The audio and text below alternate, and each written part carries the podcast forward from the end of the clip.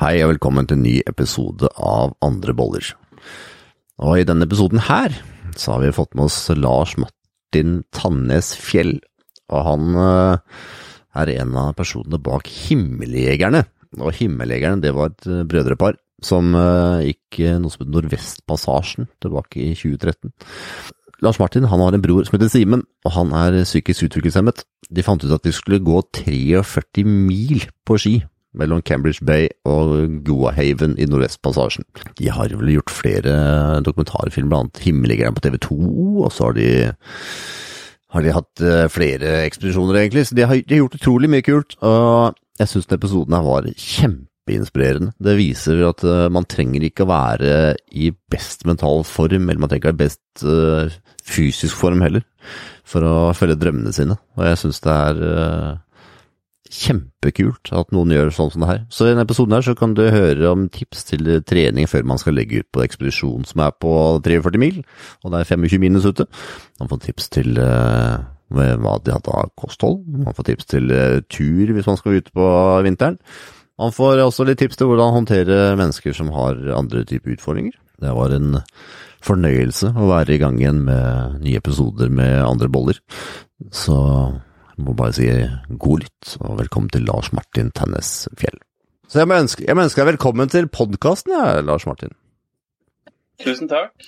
Jeg må ærlig innrømme at uh, Himmeljegerne syns jeg var utrolig inspirerende.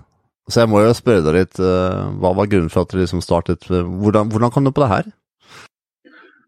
Ja, du kan si Himmeljegerne er jo Det har blitt liksom mye større enn vi hadde tenkt. Det startet med et navn til en ekspedisjon i første omgang. Og så eh, Som dreide seg om at jeg hadde lyst til å ha med broderen ut på, på ekspedisjon. da. Eh, eller vi sammen eh, Hva skal jeg si? Når jeg flyttet ut hjemmefra for å studere, så ble brutter'n igjen eh, hjemme hos mor og far. Og bror har, eh, er jo da, eh, har jo psykisk utviklingshemning, cerebral parese, epilepsi, minus 15 i syn og cøliaki. Og eh, ja, ikke sant, er eldre enn meg, men forsto også at selv om han er eldre enn meg, så måtte han bli boende hjemme. Og jeg så at det var veldig leit for han, så når jeg flyttet til Vestlandet for å studere, så tenkte jeg at det her er å se at det er kjipt for ham. Og her må vi kanskje sammen finne noe felles. Eh, og det vi er eh, gode på, holdt jeg på å si, eller har gjort hele tida i barndommen, har vært å være mye på tur. da, og vært, oppleve mye ting ute i skauen. Eh, både hjemme og på hytta så har vi vært Ja, liksom, vi har bare vært ute hele dagen og lekt vi har, uh, lekt, vi har lekt veldig lenge opp og gjennom alderen vår. og istedenfor å ha Vi har ikke vært på Vi driver ikke med ekte jakt kan du si, med gevær, men vi har hatt med oss pinner ikke sant? og vi har hatt med oss kamera og kikkerter. Og vi kan jo finne på det nå også. Og kjenner liksom suset. Og kjenner Altså med suset så mener jeg liksom det derre ja, den der lekende, gode følelsen av å være ute i skogen og ha kontakt med dyr. Det er vi veldig, veldig interessert i, både han og jeg. Jeg vet ikke om eh, altså, ja, så Himmeljegerne starta der, og så trente vi oss opp over eh, tre år, kan du si. Til å legge ut på en eh, skiekspedisjon over eh, deler av Nordvestpassasjen. Og eh, før det fikk vi mye Eller innhentet mye tips eh, fra polare farer Norge, kan du kalle det. Alexander Gamme, Børge Ausland, eh, Cato Zahl eh, og flere som Alle ringrevene? ja, jeg, jeg, bare gikk rett til topps med fare for å glemme noen. noen. Eh, men eh, nei, for å bare få liksom, indikasjon på trener vi riktig, gjør man dette riktig, og så var vi ekstremt eh, opptatt av å teste eh, ut oss selv det vi tenkte vi kunne oppleve i Nordvestpassasjen, da, som er et sted hvor kan, hvor det er minus 20 grader i snitt. Og du kan få 30-35-40. Ja, det er dere ikke vant med fra før, eller? Nei, vi er ikke det. Eh, så da måtte vi jo liksom Ja, vi dro opp på Tynvannet der i, i februar, ikke sant, med 25 25, det var 25-30 minus noen timer, ikke sånn veldig lenge. Men vi fikk kjent ut på at For det skjer ting med telt. Teltstenger, eh, teltduk blir dårligere, blir, eh, kan knekke fortere. Mm. Åssen telt brukte dere? Var det sånn der det skjer? Når vi trente der, så brukte vi Mountain Mountain Hardware-telt, og så kjøpte vi et uh, Hellsport. Og så gikk vi over til Hilleberg når vi mm, fikk en deal med de. Uh, uh, det var stor, bare sånn rein, jeg, jeg, jeg, hadde 70 netter i telt i sommer. Jeg, jeg merket du stor forskjell på Ja. Hilleberg og Hellsport. Om jeg merker stor forskjell? Mm, ja, altså det, det vi hadde med, Hill, nei, med Hellsport, er jo det Svalbard eh, Ja, stemmer. Svalbard Ekstrem, det der gule og røde, eller hva Ja. Ja, stemmer. Ja, og det, det var veldig bra og solid. Eh, men det vi trengte, vi trengte å ha et tunneltelt som kunne eh, eh, slå sammen raskt og rulle sammen og legges inn i en skibag. Ettersom at broderen har sine utfordringer. Han kan få epileptiske anfall fra et sekund til et annet. Og hvis det skjer eh, 25 minus, så må det teltet ekstremt fort opp. Og det må være plass både til meg og kameramann som vi hadde med, og da en guide som var sykepleier. Og da må liksom Det er en, en av de tinga som er kanskje litt sånn spesielle med dem, eller med det vi driver med, da, at vi må ta hensyn til det og være ekstremt bevisst på sikkerhet, ettersom vi har med oss folk som, som kanskje ikke kan vurdere graden av eh, Altså kan vurdere sikkerhetsfaktoren på å være med på sånne ekspedisjoner når man drar til områder med isbjørn og, og kalde, kalde steder. Og Dette er, vel- dette er vel kanskje et uvant for Børge Ausland, sånn som for det meste reiser alene. Han var ikke helt Ja, vant med disse utfordringene.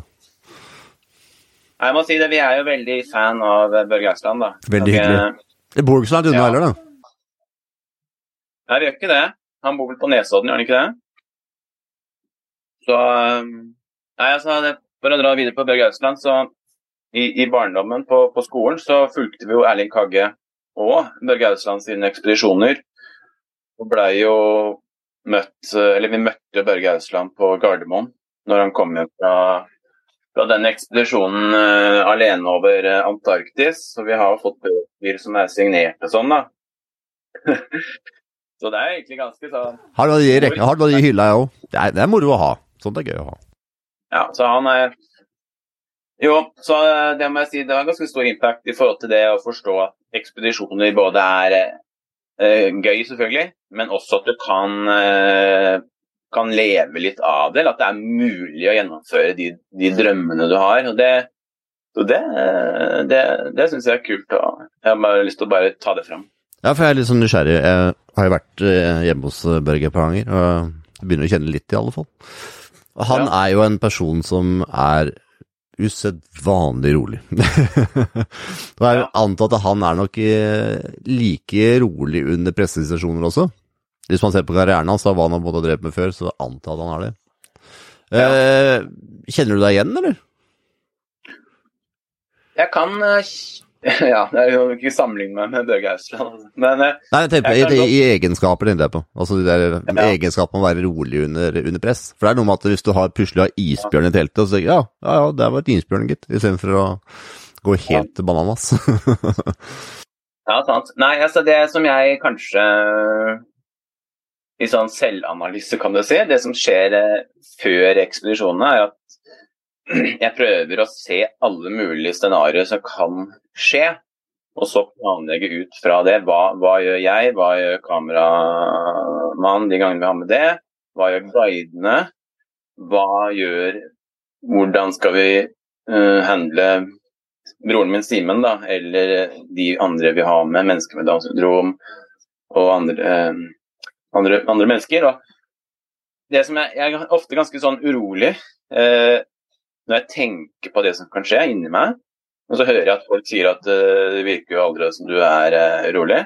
Men når det skjer noe, så, så opplever jeg ikke å bli sånn ukontrollert stresset eller redd. Eh, vi har eh, opplevd at det kom en eh, Det var vel 23 sekundmeters vind. Det er vel en liten storm innenfor definisjonen av det. Og eh, jeg vet ikke, jeg bare da, da, gjør man Vi gjorde bare de, det vi ble enige om. Og, og så um, Så jeg tror kanskje det for min del, hvis jeg hadde blitt veldig urolig også når situasjonene kom, eller når situasjonen kom, så tror jeg ikke vi hadde gjort noen flere turer, da. Meg ut på det, for det er jo Det er jo, man, det er jo eh, ikke noe behagelig. Men det, det, du kan si jeg er veldig, eller mer bekymra for enn eh, er jo liksom, Når du er på de turene, så er man ikke så bekymra for seg selv, men det er mer om det skjer noe med broderen, eller om det skjer noe med Mats, kompisen, eller de andre deltakerne. For man har jo et enormt ansvar for et annet menneskes sikkerhet og helse, ikke minst når det er snakk om frostskader og som kan komme ganske fort. Hvordan håndterer man en sånn type For det er en uforutsett ting. Sånn frykt er jo ofte noe som er uforutsett. Man frykter at det ligger i ordet frykt. Hvordan er det å håndtere det da, for at det, ikke det skal liksom ta oppmerksomheten hele tiden og være en sånn eh, evigvarende negativ greie? Hvordan håndterer du det? Ja, du kan si jeg prøver å kanskje plassere den frykten inn i noe jeg kan gjøre noe med. Hva kan man gjøre noe med? Hva, OK, kajakken når vi padler nedover Yukonelva kan gå rundt. den. hva, hva, hva, hvordan reagerer man da? Og det, man vet jo ikke det eh, hvis det skjer eller hadde, hvis det skjer i Yukon.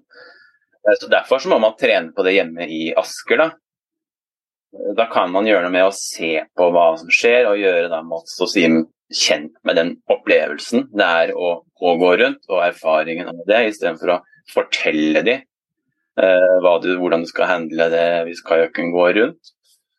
Uh, så jeg syns det er supert å kunne gjøre noe med den frykten da ved å ja, eliminere selvfølgelig det som kan Sjansene for det som kan gå gærent. Så, så må jeg si jeg har jo kjent på mm, kanskje to ganger eh, at jeg kjent på en sånn derre dyp redsel og, og frykt som, eh, som, jeg ikke hadde kjent på før. Og Det var en gang eh, vi gikk forbi et sånt iskoss, altså sånn pressrygger eller is som hadde brekt seg opp. og så, Da ser du ikke så mye av det som er bak. Og så var jeg 200 meter foran eh, guiden som hadde våpen. da. Og så ser jeg plutselig da en konturen av en bjørn. Og så blir jeg sånn i ett et til eh, to-tre sekunder, jeg vet ikke, så jeg nesten ikke, klarte å puste. Og så bare tenkte jeg å, å fy søren, nå, nå, er bjørnen der. Og jeg er for langt unna eh, liksom våpna for å kunne skremme den. da. Så så jeg da, uh, etter noen sekunder, at det var jo bare et isflak som hadde blitt drukket av på et skjær hvor det var mye sand under, og da blir det sånn gullig farge. Sånn disse isbjørnene er jo ikke kritthvit, ikke sant, den er jo litt gul. Uh, så det kjente jeg ganske sånn på. Og en annen gang var i, Yukon hvor jeg da vi gjorde noe opptak for å prøve å filme en uh, ulveflokk. Det var utrolig gøy og spennende. Men der så Ja, så skulle vi sende opp en drone, så hadde vi glemt en, uh, en liten sånn kameradel. Da gikk jeg da mellom toppen av fjellet og ned til de som venta på i camp 2. Og så halvveis på vei ned så kom jeg på at jeg har ikke med bjørnespray eller våpen. Og så er det sånn virkratt som er, altså det er, var kanskje to meter høyt. Da tenkte jeg bare så for meg forskrift, overskriften av VG eller TV 2, liksom. Mann, man 31 tatt av bjørn i Canada. Men da kjente jeg på Jeg vet ikke, altså, det, er, det er liksom sånn, sånn urfrykten som kanskje jeg bare tenkte at ja, ok, nå er, kan det være rovdyr her ute som kan ta meg hvis jeg har ordentlig uflaks. Så det, men det er eh, Ja. Det er vel litt sånn inn mot frykt, da. Jeg er litt sånn eh, nysgjerrig, for Jeg har vært ivrig tilhenger av Lars Monsen også. Jeg tror jeg har fått med det meste han har gitt ut opp gjennom tiden. Han har jo vært mye i de samme, samme skogene som det du var i det øyeblikket der. Han virker jo i og for seg ganske rolig. Jeg husker den ene boka hans som han var vel en av de få som gikk gjennom Jeg husker ikke hva det heter, det, men det var i hvert fall var skikkelig bjørneland som ikke var normalt å gå på den tiden av året. da. For det var liksom da bjørnene akkurat kom ut av hi. Eh, og så er det et tilfelle der han på en måte har lagt fra seg mat på den ene siden, og så hopper han ut i vannet for å ta seg bad. Så kikker han på ja, ja. vannet og så ser han liksom at oi, der står bjørnen og lukter på maten, liksom. Så tenker han ja, skal jeg hente maten, eller skal jeg bare fortsette liksom, å la den maten bare være? Men han virker ja. ganske rolig i det øyeblikket han måtte er i sånn type område der det er mye bjørn. Da. Kanskje bare tilsynelatende at han virker sånn, men eh, hvor, er det noe man bare venner seg til, eller hva? hvordan tror du det er? Ja, vi vente oss jo til uh, Vi vente oss til å se en del bjørnespor da, uh, i Nordvestpassasjen, altså skiekspedisjonen som gikk over fire uker. Og, både, og i padleekspedisjonen Yukon så var vi ute i det var vel to, to og en halv, tre uker. Da så man jo også altså Det første bjørnesporet man ser, så blir du helt sånn OK, hvor, hvor er det nå? Så blir det litt sånn blasert, og så ser du mange. Og så får vi sett bjørn Vi så bjørn da to ganger da fra kaia, eh, fra kanoen. Eh, og det er på en måte et trygt sted å oppleve den fra. Men du blir litt sånn Jeg ble litt sånn eh, Vi ikke så stressa utover turen, men jeg, jeg, har veldig, jeg har ekstrem respekt for bjørnen fortsatt. Og det er, eh, det er et rovdyr, og ja, og vi har jo sett på TV vi har jo, altså, Min bror Simen er jo veldig fan av Lars Monsen, og, og jeg òg har jo sett Jeg tror jeg har sett alt, men Simen har kanskje sett alt jeg vet ikke, 15-20 ganger. Altså, det er det han, han, han, digger det. Og det å se på TV og, og sånn, det er, det er liksom én ting. Men når du står ute i skauen et sted, kjenner på det Absolutt. Absolutt. For det er liksom, det er rett slett for sagt, jeg har ja. Eh, overnattet mye i telt, men i Norge der det ikke er så mye bjørn. Ikke så mye ulv heller, i og for seg.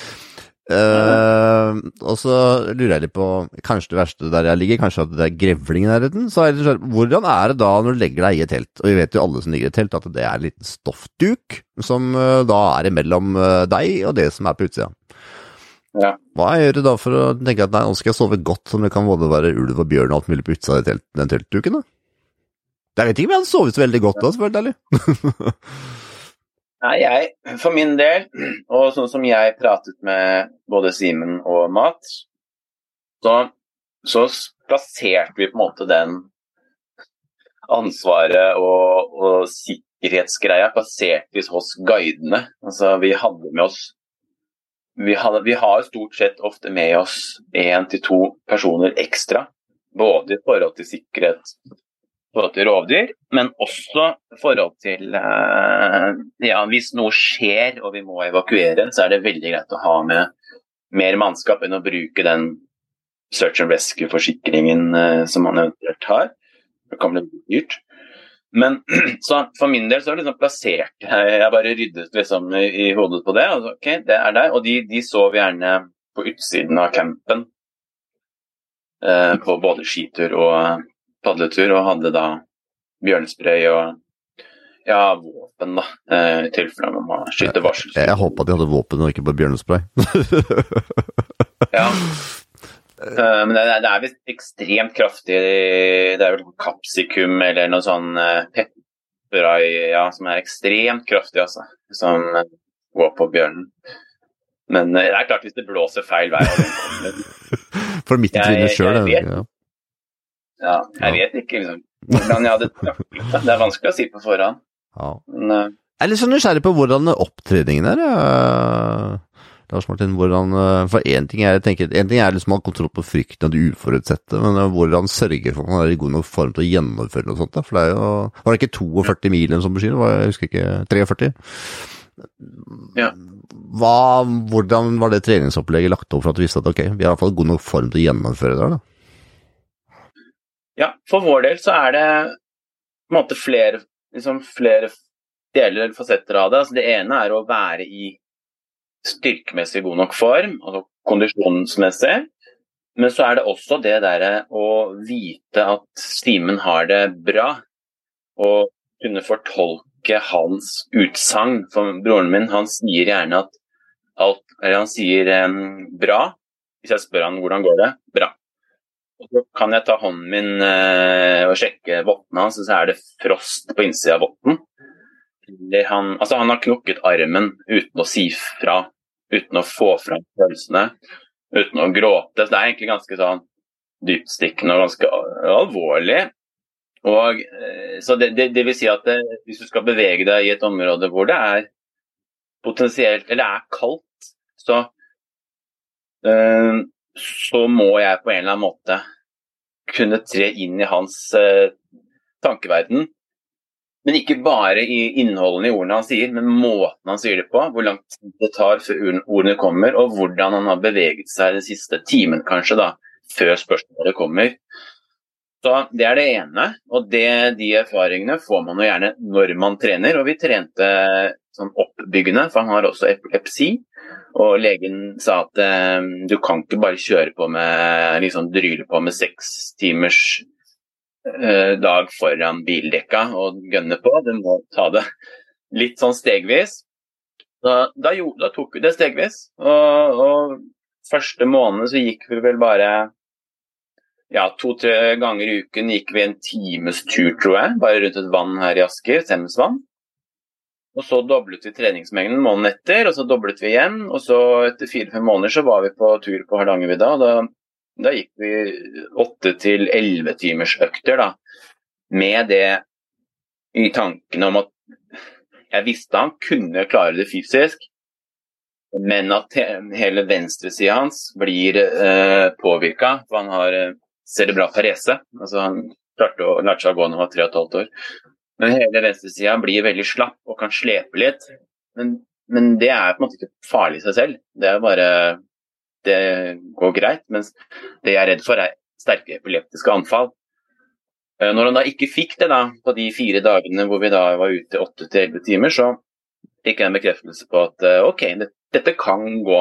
Han kan klare kanskje fem til ja, fem til ni timers økter over en, en, viss periode, hvis vi legger inn hviledager her og der.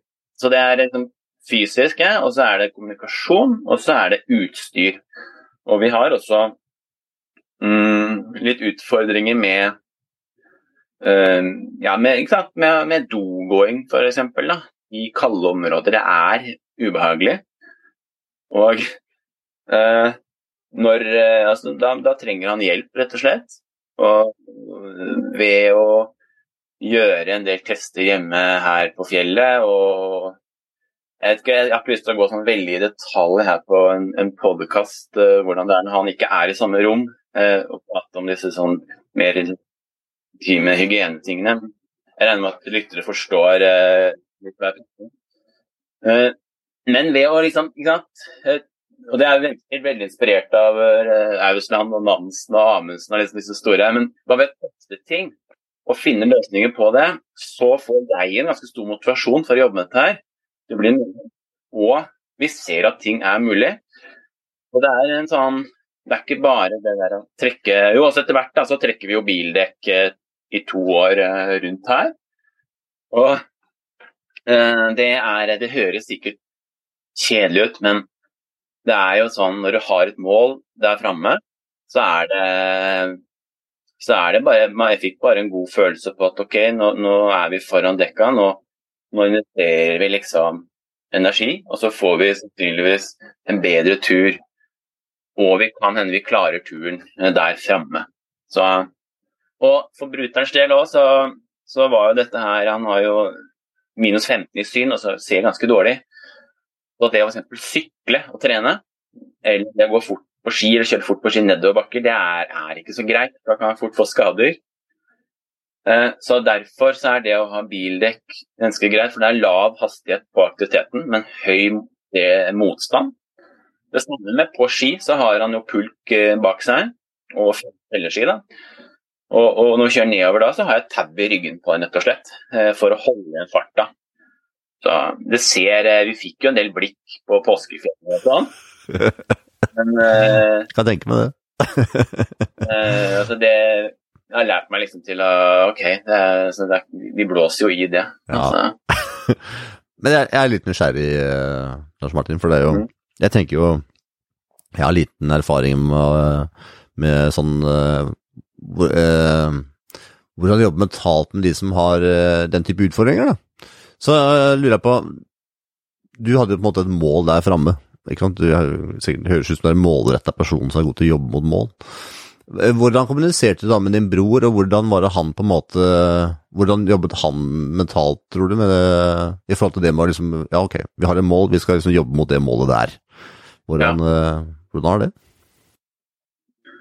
Nei, altså det Vi jobbet jo Eller jeg jobbet jo med han Det var jo bare oss to det første året. Og så fikk vi med oss en, en god venn som heter Sigurd, som kamera, ble kameramann og hva skal jeg si, kreativ og den som har gitt, gått mest på ski. Og, Du vet åssen det er kamerafolk er ofte de som har det tøffest på, der ute.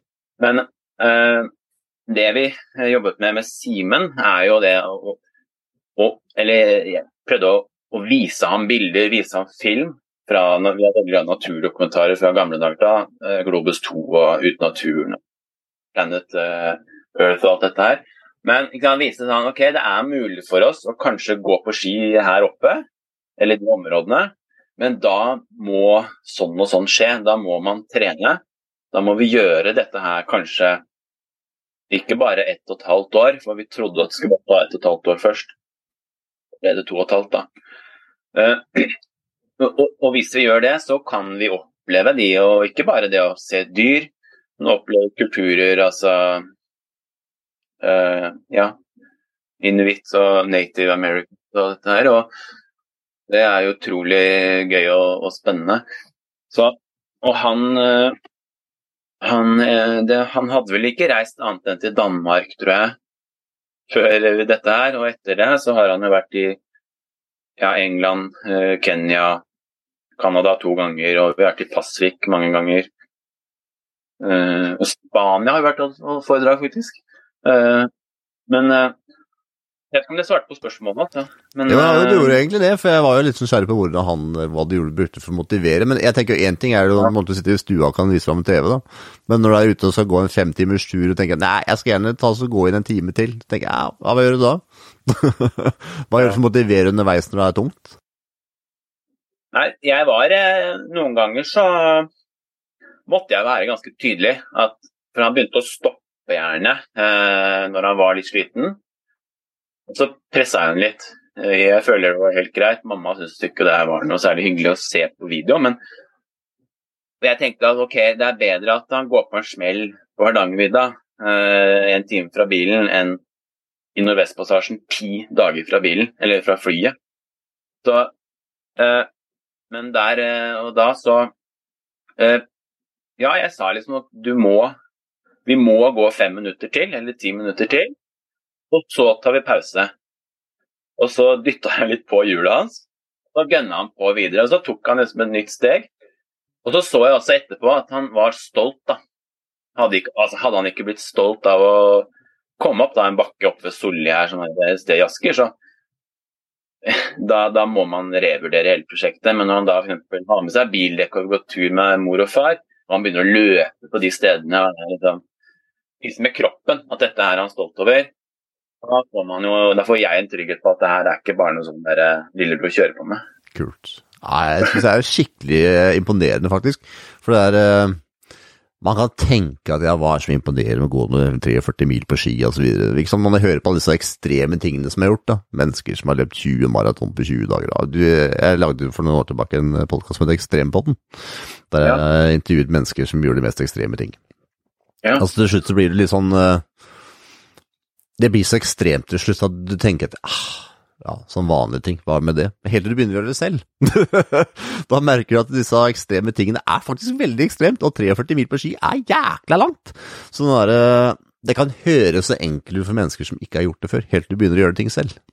Da merker du at det er faktisk veldig imponerende. Og det er en ganske lang vei å gå, altså. Det er lang vei å gå fra å gå noen kilometer på ski til å gå 43 mil på ski. Spesielt hvis det er 25 minus i tillegg. Så, Ja. så jeg, den derre Du skal jo flytte ganske mange grenser, da. Eh, Både for deg selv og din bror. Så hvordan har du mentalt håndtert det her for deg selv òg, da? For én ting er jo din bror, men det er jo for deg selv òg, da. Ikke sant? Jeg regner ikke med at du går så mange ganger med 43 mil på ski, du heller. Så eh, hvordan Nei. Du starter jo en plass. Ja, man har lekt mye og vært mye ute i skogen, men likevel så er det en ganske lang vei å gå, da. Det er det. Eh, men jeg blir veldig Det høres kanskje litt sånn rart ut, men jeg blir veldig motivert av prosjekter hvor eh, jeg kanskje Eller hvor jeg ikke er trygg på om vi kan klare målet. Eh, Og hvis jeg blir veldig trygg på at det målet det, det går, så tenker jeg da blir det for enkelt i hodet mitt. da. Så for meg så må det alltid være en eller annen eh, ja, som kan liksom gjøre sånn at OK, du må liksom steppe opp, du må være på, på topp eh, for at det her skal funke. Og eh, for at det skal være mulig Eller ja, for at det skal være eh, interessant nok for meg til at jeg gir alt eh, Fokuserer veldig på det og, og får det til. Da, men det òg, prosjektarbeid sånn som vi har drevet, det er jo det er, det er litt sånn både òg. Fordi det som skjer, eh, og det er liksom sånn jeg har bare lært om meg selv, at jeg blir, kan bli veldig sånn opptatt av den oppgaven, og, og bare den. Og så jobbe ekstremt hardt med det. Og så er det, ikke sant, når den turen da er over, og, og sånn, så blir det plutselig ganske stille. Ja. Alle sier det der. Ja, det er typisk sånn postekspedisjons... Ja, veldig kjent det der. Ja. Hvordan har du det, jeg- Nei, Det jeg er blitt mer bevisst på de senere år, er gjerne å ha helt andre ting hvor brutter'n ikke er involvert. Altså løping eh, eller triatlon, svømming, som har begynt å med på det siste åra. Og sykling. Altså, han kan sykle også, eh, men da tenker jeg på ja, sånn Swift-sykling som jeg har bak her, eh, eller stisykling i skauen, som bare er liksom, som er bare er meg, og som er noe som ikke mm, ikke har noe med himmeljegerne å gjøre, men som bare er en litt sånn annen arena. For å ha Jeg er veldig glad i å ha sånne mål, ikke sant. Eh, både den syklingen, og sikkert hørt om Strava og sånne ting. altså Du må gjøre det både andre eller deg sjøl.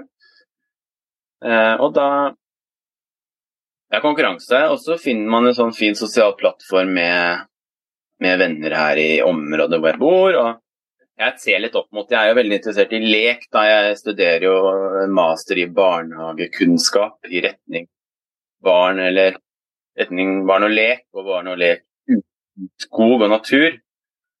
Og eh, ja, så jeg har lest utrolig mye om lek de siste eh, halvåret. jeg, jeg bor i skogen for tida, Lars Martin. Har du noen tips, eller?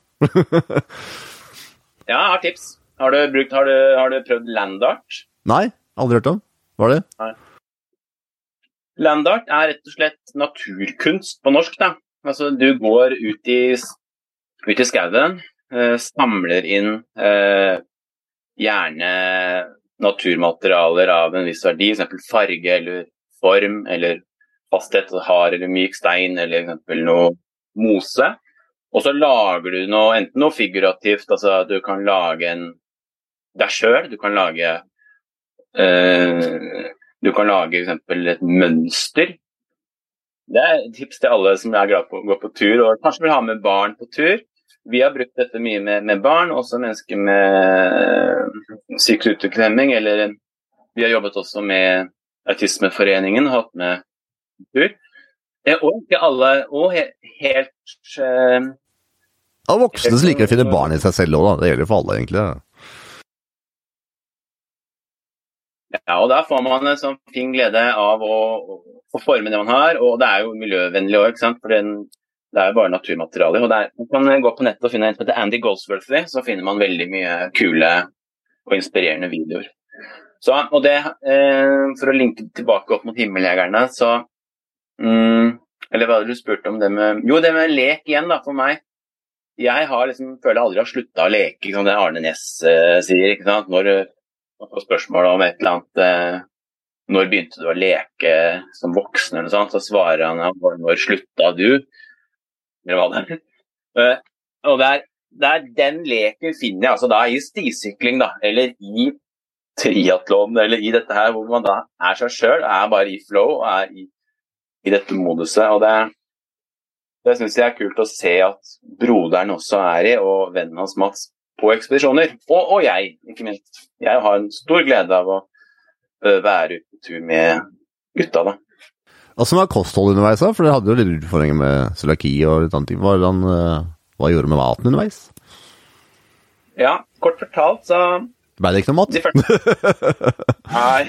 Vi, det er som jeg sier, vi har jo en del foredrag. Vi har vel holdt 200 foredrag de siste åtte åra rundt om i landet. Og vi trekker fram historien om liksom altså, Første året så hadde vi to, to matsoner i teltet. Ett med Siemens, ikke sant. Med lakikasseroller, som jeg kalte det. Det er sikkert veldig dårlig ord, du skjønner hva jeg mener. Og ett med mitt.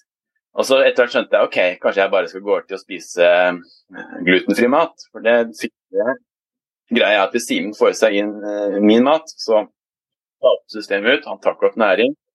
Blir kan lettere for epileptiske anfall, blir slapp. Så dermed så spiste jeg da det, en sånn ja, gryte vi lagde, og etter hvert så gikk vi over til sånn dry tech, da. Og med en god dose olje oppi for å booste opp fettet. Så, og så på ekspedisjoner så spiser vi jo da ja, litt sånn tradisjonelle måte sånn flaske som det her, liksom. Og så har vi masse smør og, havregryn og, og, vann og koker. Rister. Altså drikker blodånderne rett ned istedenfor å bruke skje. Man kan forveksle skje med oss andre, så da må den bli ganske Smør og havregryn og vann drikkes. Jeg har drevet mye havregryn og vann, altså, men med smør oppi, det har jeg ikke gjort. Ja, fytti, ja. hørtes ikke veldig Hadde du noe kanel på da, eller? Nei, når vi ser på mat gjerne som bensin, da. Ja, jeg skjønner det. Vi er kanskje litt dype sånn sett. Men vi varma jo heller ikke opp vannet mer enn sånn 60 grader, så det smøret smelta jo ikke gjerne. Så det var sånn chunks med smør som han knaska. Og på kvelden så var det det samme, bare at da hadde vi drytech oppi og eh, olje. Og så eh, drakk han middagen da òg. Og da, da forminsket vi også sjansen for at han sølte. Du kan tenke deg å søle masse middag i soveposen når det er 20 minus. Så fryser det fort i is, og så legger du huet ditt på. Og så integreres da kanskje de middagsrestene inn i den der lua di. Så går det og lukter på middagen hele dagen. det er mye rart da, som vi erfarer på disse turene. Kult. Jeg syns det er utrolig interessant. Det er en annen ting ja. som jeg glemte å spørre deg om i stad, som jeg lurer på og gjerne vil ha svar på. For du sa at broren din hans svarer jo bra uansett. Uh, ja. Vil det si at han ikke har muligheten til å kjenne smerten, eller ikke har muligheten til å uttrykke at han faktisk har den smerten? Hvordan, hvordan fungerer det her? Ja. Det er et godt spørsmål. Er, ikke sant, Tilbake til barndommen. der så Vennene mine syntes jo broren min var så tøff fordi han aldri gråt. Eh, og, og, trodde at han ikke kjente smerte. Eh, jeg er eh, veldig sikker på at han kjenner det. Han har kanskje ikke ordlagt seg at dette er vondt, men han oppfører seg helt annerledes. Han lar deg ikke ta på stedet hvor det er vondt, han kan ha flakkende blikk. Han kjenner det helt klart, men og så er det, det er et psykologisk aspekt her også ved det. For det, jeg er veldig opptatt av å få frem at Simen og Mats har følelser og tanker som alle andre. Og, men som ikke kommer til uttrykk, som man ikke klarer å formulere gjennom ord. For det er vanskelig. Det er en, ikke sant, munnmotorikk er ikke så lett for mennesker med Kanskje med vet ikke, Nå er ikke jeg lege, men med CP og, og psykisk utviklingshemming, som Simen har. Eh, og da altså Jeg er helt sikker på at han kjenner smerte, ja, hvis det er eh, sånn for å koke ned til det. Og det, det, er klart det gjør liksom vondt for en, en bror da, å se at sin egen bror er, har det kjipt uten å kunne hevde egne behov. Det er en av de grunnleggende menneskelige er det ikke det innenfor Maslow og behovspyramiden, altså hevde egne behov. Jeg tror alle har uh, alle som har trent litt, har kjent på å gå i kjelleren. Hvis ikke man har trent, så har man kjent på det sånn mentalt hvis det er noe annet som dukker opp i livet. Ja. Eh, hvordan var det du håndterte det underveis, da? For jeg antar at når det er kaldt, og det, vi alle, alle går i kjelleren av når det er tungt. Du kan Ja. gå, gå, på, gå på en liten skitur, og det bare er tungt den dagen, så går du litt i kjelleren av, og det, det er liksom bare sånn der. Hvordan, Ja. hvordan liksom var det du håndterte det? For begge to, ikke minst? Ja, jeg så For Simens del så handlet det om at han eh, Altså, han, han, falt han faller ganske ofte på ski. Altså sånn Jeg vet ikke, kanskje i løpet av seks timer så faller han kanskje to til fire-fem ganger av uforklarlige eh, situas- eh, grunner. F.eks. Eh, ja, at skien den på venstre side skjener litt inn, for han har jo denne CP-en. og Så går han over den andre ski, og så faller man. Og det, det var normalt, det står vi jo gjennom disse treningene. Men når han da hvis det skjedde oftere enn det, og det tok lang tid før han svarte, så måtte vi inn og sant, fortolke hva dette var for noe. Og så snakket jeg med guiden, eller guidene og de andre, så fikk man flere uh, meninger på hva, hva, hva, hva skjer her. Og så la vi inn hviledager for å liksom takle Siemens uh, utslitthet, da, eller eventuell utslitthet. Uh, for min egen del så gikk, kom det til uttrykk eh, For jeg, jeg, man blir jo sliten og eh, Ja, to ganger. Det ene var en gang eh, jeg ikke fikk opp glidelåsen på teltet, ikke sant? for det kan jo fryse. Og så, og så ble jeg altså Det er litt flaut å si det, da, men jeg syns det er viktig å få fram altså, Jeg ble fryktelig sint på den uh, glidelåsen. Og jeg, Vi alle har vært der. ja, jeg tror jeg skrek eh, ord som man ikke Jeg bannet da, ikke sant, mot denne Gudåsen. Og så, så, snudde jeg meg, så så jeg på Simen, og så så jo han han var, var ganske forskrekket. Og så måtte jeg liksom bare puste noen sekunder og roe meg ned. Og så var jeg OK, hva skjedde nå? OK, vi må liksom roe ned litt, eh, jeg også. Så, eh, men, så det er liksom den si Det er mer sånn mental utslitthet, kanskje. da, sånn Fysisk. Men så henger jo alt dette sammen, vil jeg tro. Uh, Jeg, vil, jeg tror alle, vil kjenne mentalt utslitt, men det er bare litt forskjellig hvordan vi håndterer det. da. Jeg snakker med andre mennesker som driver eksempel med sånn ekstrem triatlon alle disse forskjellige typer sporter, Ja. eller hva det måtte være. Og alle har liksom litt, litt forskjellig teknikk. Noen begynner å gråte, og når jeg er ferdig med det, så har de liksom ny push av energi. Og noen begynner å synge, og så syns Ja. de at det gir en ny puff. Og nei, alle har liksom sin greie, da. Så jeg er det sånn nysgjerrig Ja. på Jeg er helt sikker på at det her var ikke noe du bare kjent på to ganger. Antar jeg. Det ville veldig rart i hvert fall, hvis du bare kjente på to ganger. Så hadde du på en måte sånn fast greit Å nei, nå kjenner jeg det her igjen, nå har jeg liksom bare stoppet opp. Men nei, jeg skal klare litt til. Hadde du sånn Så du på en måte den der switchen i mentalt når det oppsto? Du kjenner det sikkert nå, hvis du konkurrerer fortsatt i sykling eller svømming, eller sånn, du får jo fortsatt òg. Så du svømmer og så vet du hva, nå er det tungt. Ja, stopp. Nei, kan du ikke stoppe likevel. Ja, sånn, ja. Hva gjør du ja, det, det kjenner jeg på ofte, det, når jeg er ute på tur. øh, sykler eller løper eller svømmer.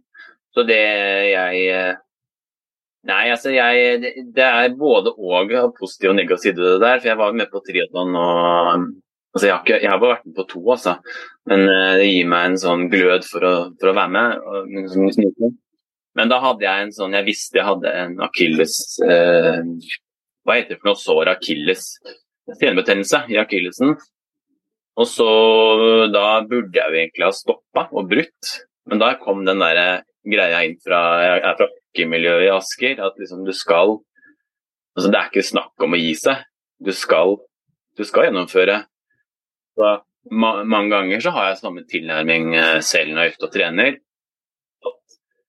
Altså jeg, jeg tenker ikke å gi meg, det er liksom ikke et alternativ. Eh, og det tror jeg kan ha, være både bra for å få gjennomført, men så går man kanskje, kanskje litt vel inn i sånn maskinmodus. Eh, og på ekspedisjonen, så eh, ekspedisjoner, så vi sov jo må, liksom, Man må huske det at vi sov gjerne 10-12 timer hver dag. Rent lenge. Og jeg vil si at etter, eh, etter syv til ni dager med, med det, så Jeg har ikke prøvd det hjemme her i siviliserte liv, liksom, men da, jeg, man følte seg som en sånn eh, Man følte seg som en sånn maskin som egentlig var på topp nesten hele tida. Jeg vet ikke om det ga noen sånn gode, gode svar. Jo, jo, jeg får mange gode svar. For det har ikke jeg sagt det til deg, men i sommer så startet vi med å sove 70 døgn i telt, og endte opp med mm. å selge hus og bo fortsatt i skog. Uh, uh, og veldig annerledes liv, for å si det sånn. Vi bor ekstremt ja. enkelt, men det ender jo med at man spiser jo veldig god mat, griller på bålpannen, og vi på en måte er, bor i, veldig fint til i naturen. da. Ja, ja. Og med to små barna som virkelig får kjent på hvordan det er å bo i naturen. Uh, så det er på en måte vår ekspedisjon for i år, i hvert fall. Jeg vet ikke hva neste år vi tilbringer, de, vi, som kommer, men det er i hvert fall vår ekspedisjon i år. Og jeg, jeg kjenner jo på en måte sånn som nå har det vært regn i 14 dager, føles det som, og alt er vått over alle, føles det som, og det er, eh, nå var det nærmere sol. Du får liksom alle disse elementene inn hele tiden. Da. Og det er derfor jeg er litt nysgjerrig på hvordan håndterer man de forskjellige også. Den der, hvordan det er, for Alle blir drittlei, ikke sant. Det er våt overalt, og det er fuktig, og det bare Åh, jeg husker i sommer så var vi Vi var sånn ute hele sommeren. Og det regnet flere dager. Det var, da jeg kom under taket en dag, jeg bare Åh, så deilig å komme under tak. Satte pris på å komme under tak, faktisk. Så du setter liksom pris på de små tingene, da. Hvordan er det når du er så lenge på ekspedisjon som litt sånn Ja, du må liksom hjelpe din bror med det, og så er det liksom mat Det er liksom mange ting, da, men det, hvilke ting var det du så at du satte pris på i etterkant når du kom tilbake? For da, du har tatt mange ting for gitt i det siviliserte verden. Både oppvaskmaskinen i dag er jo luksus. Så hvordan, for meg, ikke sant? Så hvordan eh, Husker du det, eller? Hva du liksom satte pris på når du var ferdig? Absolutt. Absolutt, jeg kjenner meg veldig igjen. Og um, for det første tilbake til det med været du sa. at Når man er ute på ekspedisjon, i starten så sa jo guidene at vi, vi, vi, sjekker ikke så mye værmelding. Altså jeg ble sånn Hæ? Altså, vi følger med på, på været rundt oss. Og så ble det egentlig en kul greie som hele tiden liksom, tok inn For du merker det fort? Du merker fort hva som kommer? Inn naturen, da. Ja. Og det var en veldig Jeg syns det var utrolig gøy å leve sånn. Og eh, man gir jo avkall på masse liksom, goder man har her i, i år, og informasjon, ikke sant. Eh, så internett og alt mulig. Men, men, men det Men eh, jo, og det, det, Jeg har jo også lest litt med Erling Kagge. ikke sant? Han har et kapittel i en av de bøkene som jeg tror det er et eller annet bare den som kan pålegge seg selv en byrde, er fri, heter dette kapitlet, som handler om at eh, man som et fritt menneske velger kanskje å gå ut på ekspedisjon som, og pålegge deg en byrde, da. Eh, og så eh, leve litt sånn enklere. Men at det kanskje er en sånn veldig sånn måte å leve helt fritt på, som jeg, jeg liker å tenke.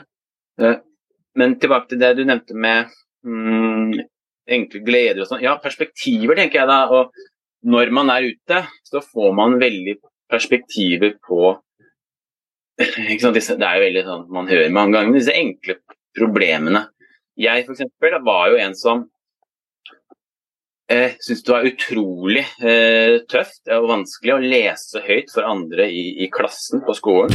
ja, da har du fått trent deg de siste 200 gangene med foredrag.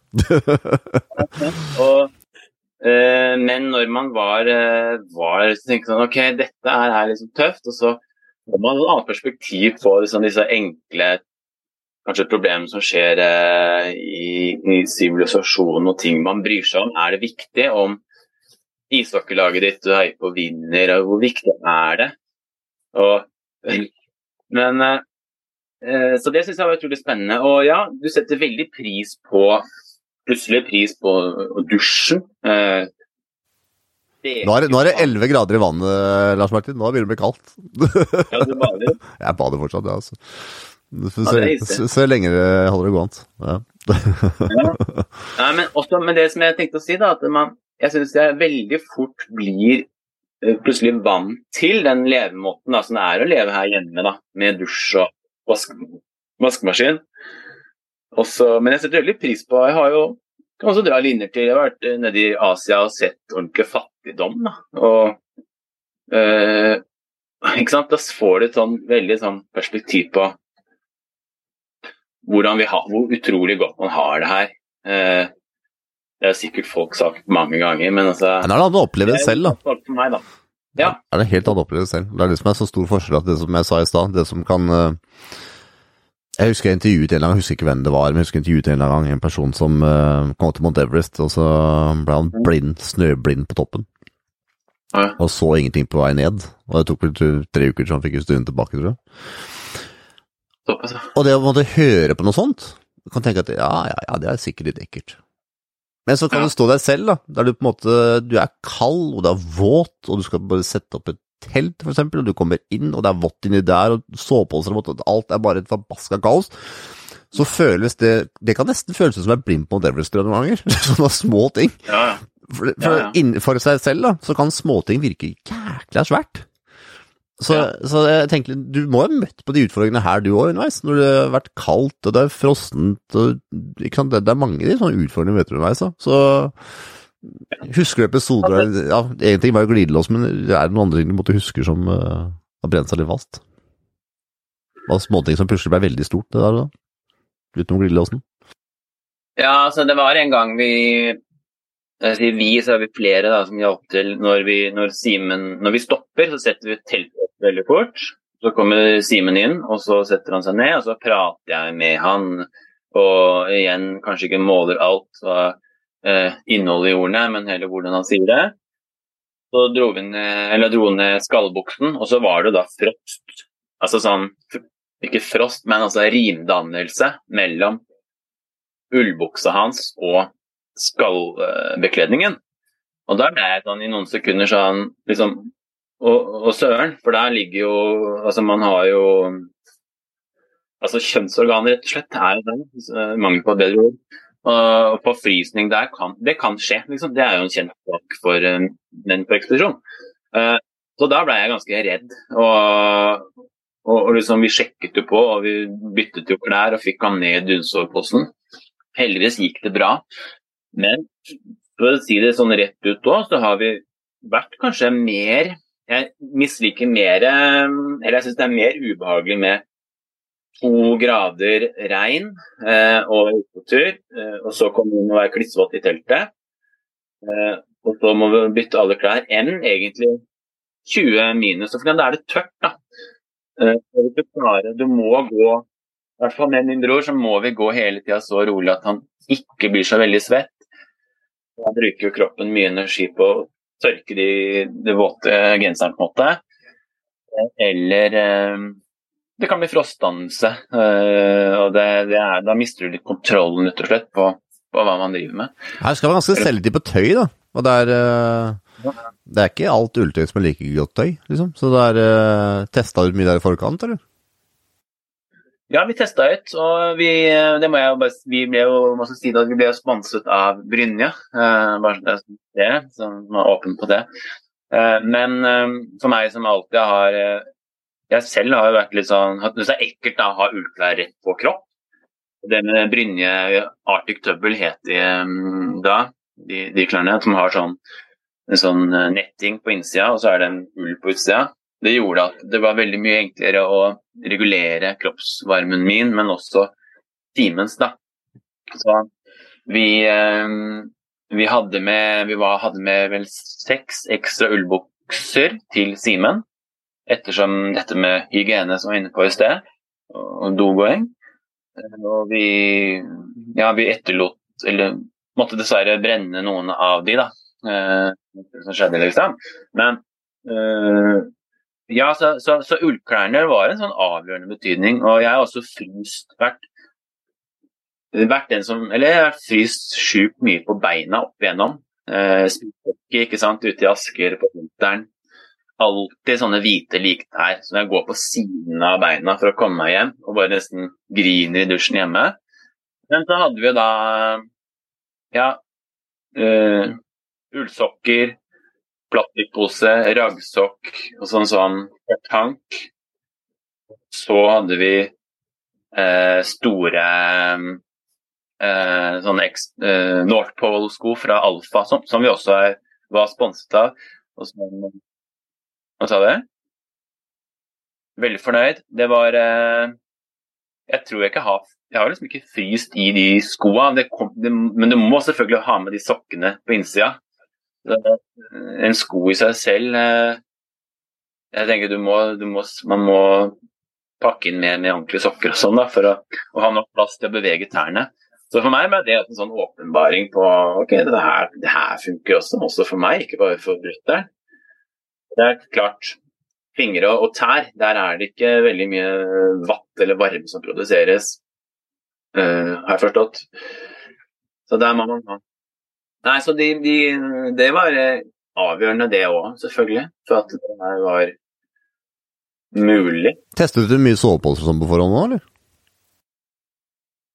Vi eh, hadde disse Ayungla Tyen Vinter. Hadde vi, det er sånn tre eller fire, fem, fire sesonger, det kalles. Det hadde vi når vi trente. Og så kjøpte vi Uh, noen sånne dunposer. Jeg tror det, jo, det er Mountain Hardware, det òg.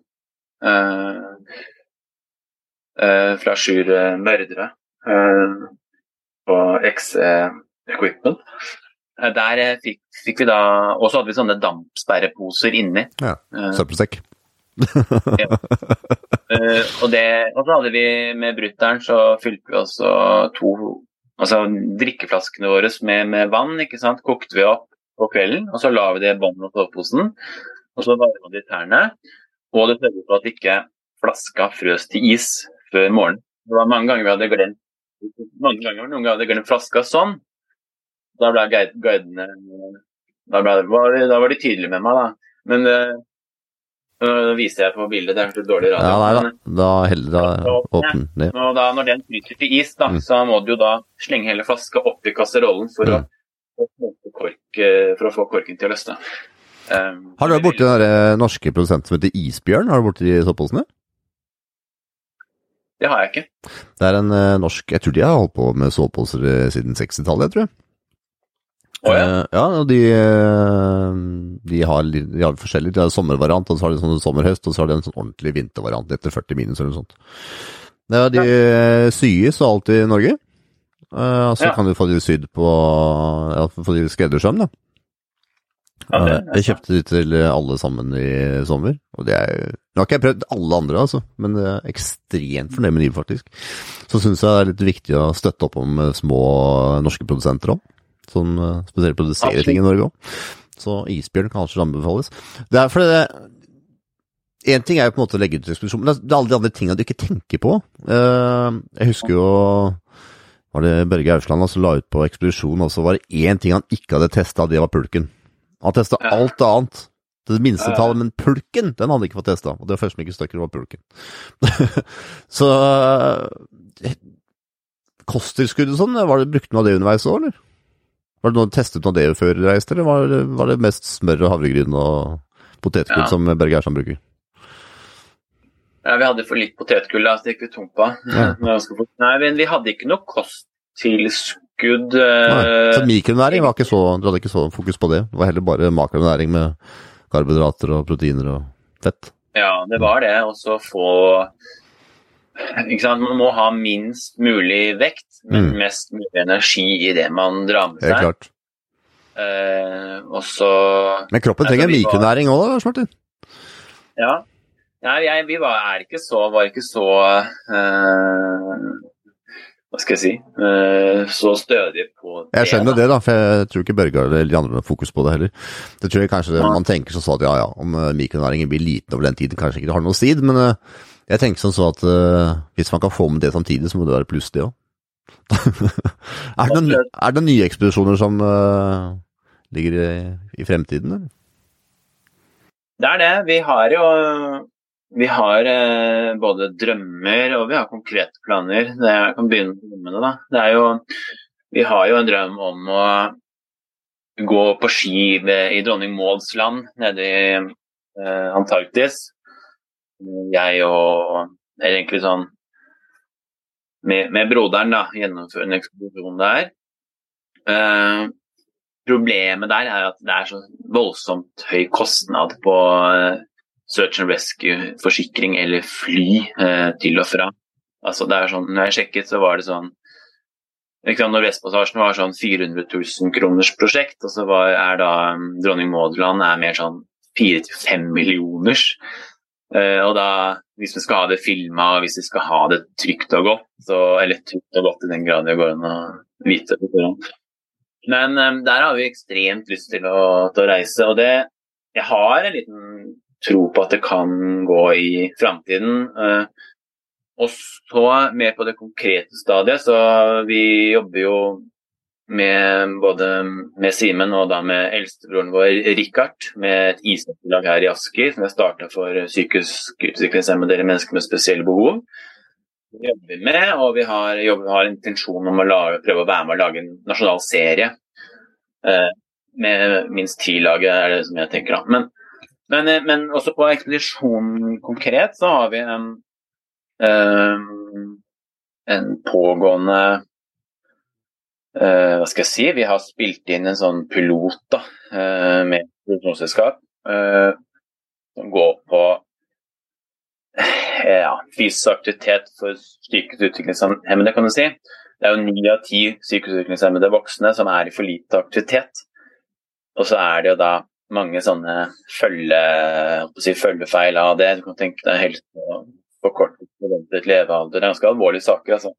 Men det vi tenker på er jo en ekspedisjon, og jeg kan ikke si i detalj hva det går på. Hvis Mats og Simen hører denne podkasten, så nytter en del av det jeg prøver å filme. da, altså Ansiktsuttrykk, glede eller sorg eller hva skal jeg si, sinne eller hva, hva de tror hva som skjer.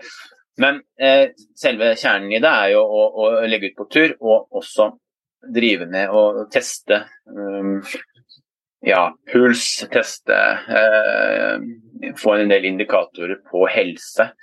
Eh, og da er f.eks. kosthold eh, selvfølgelig veldig viktig. Ja, så Da må vi snakke med My Revolution, som er med på som produserer med andre boller for uh, Simen. Det er et uh, norsk uh, selskap som produserer kosttilskudd. Og det er ja. ikke kinesisk, det er mesteparten fra sitt kosttilskudd fra Skandinavia. Eh, og den som startet den gang i tiden, det var uh, Børge Fagli. Og Børge Fagli er ganske kjent uh, norsk i forhold til det med å få mennesker til å prestere ganske godt, og det med kosthold osv. Så, ja. Så det, vi skal sette deg i kontakt med de som holdt på med det Lars Martin. For det, jeg tenker at makronæring er én ting, men det er noe med mikronæring også. Du trenger som D-vitaminer, du, du trenger ganske mange, ja. kroppen trenger mange ting. Vi vet jo f.eks. at D-vitaminer har vel ansvarlig for 200 forskjellige kjemiske reaksjoner i kroppen, tror jeg, hvis jeg ikke husker helt feil.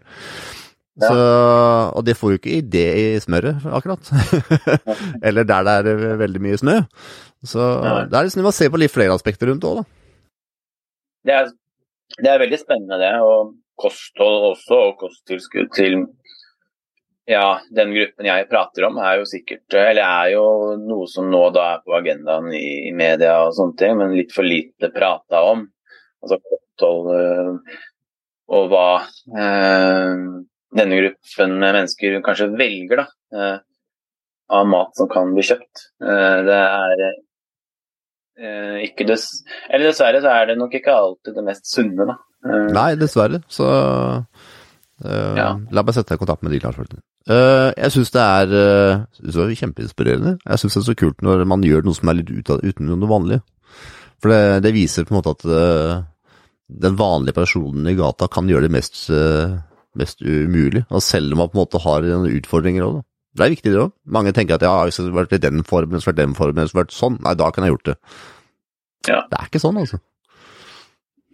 Nei, det er liksom, jeg tenker at Man lever jo sannsynligvis én uh, gang, da. Så du vet, da. Så skal du kjøre den loopen med 9-4-jobb og tut og kjør og liksom halse etter. Eller uh, Jeg er veldig sånn, inspirert av heller følge drømmene litt og leve mens man kan. og uh, liksom, ta litt tak. jeg signerer på den. Det er det er det med å tørre å gå ut av komfortsonen sin, og det er ofte er skummelt, men eh, ofte så er det jækla mye bedre på andre sida der òg. For øyeblikkene, i alle fall. For jeg tenker at ja, eh, livet handler jo ikke bare om komfort. Livet handler jo om kontraster. Det tenker jeg i hvert fall. Det er jo kontrastene ja. som setter pris på ting. Altså for perspektiver, da. Hvis alt bare er komfort og behagelig hele tiden, så mister man litt av, litt av perspektivene og kontrasten òg. Ja. Nei, det, vi, vi, vi, jobber med det, og øh, der er det er jeg i kontakt med forskjellige leverandører av eh, ja, det vi trenger for å gjennomføre ekspedisjonen. Og så um, um, så gjelder det bare å finne riktig tidspunkt å gjøre det på. For jeg blir jo nå Ja, jeg studerer litt også, så da tar det tid. Men uh, det er jo bare å følge med på himmeljegerne.no, eller himmeljegerne på Instagram eller på Facebook, så har vi oppdateringer. Og det kommer jo også ut en, to episoder på noe som heter TV Bra, som jeg tror Eller som ligger vel på TV2 Play plattformen også, men TV Bra er en TV-kanal av, med og for psykisk utviklingshemmede.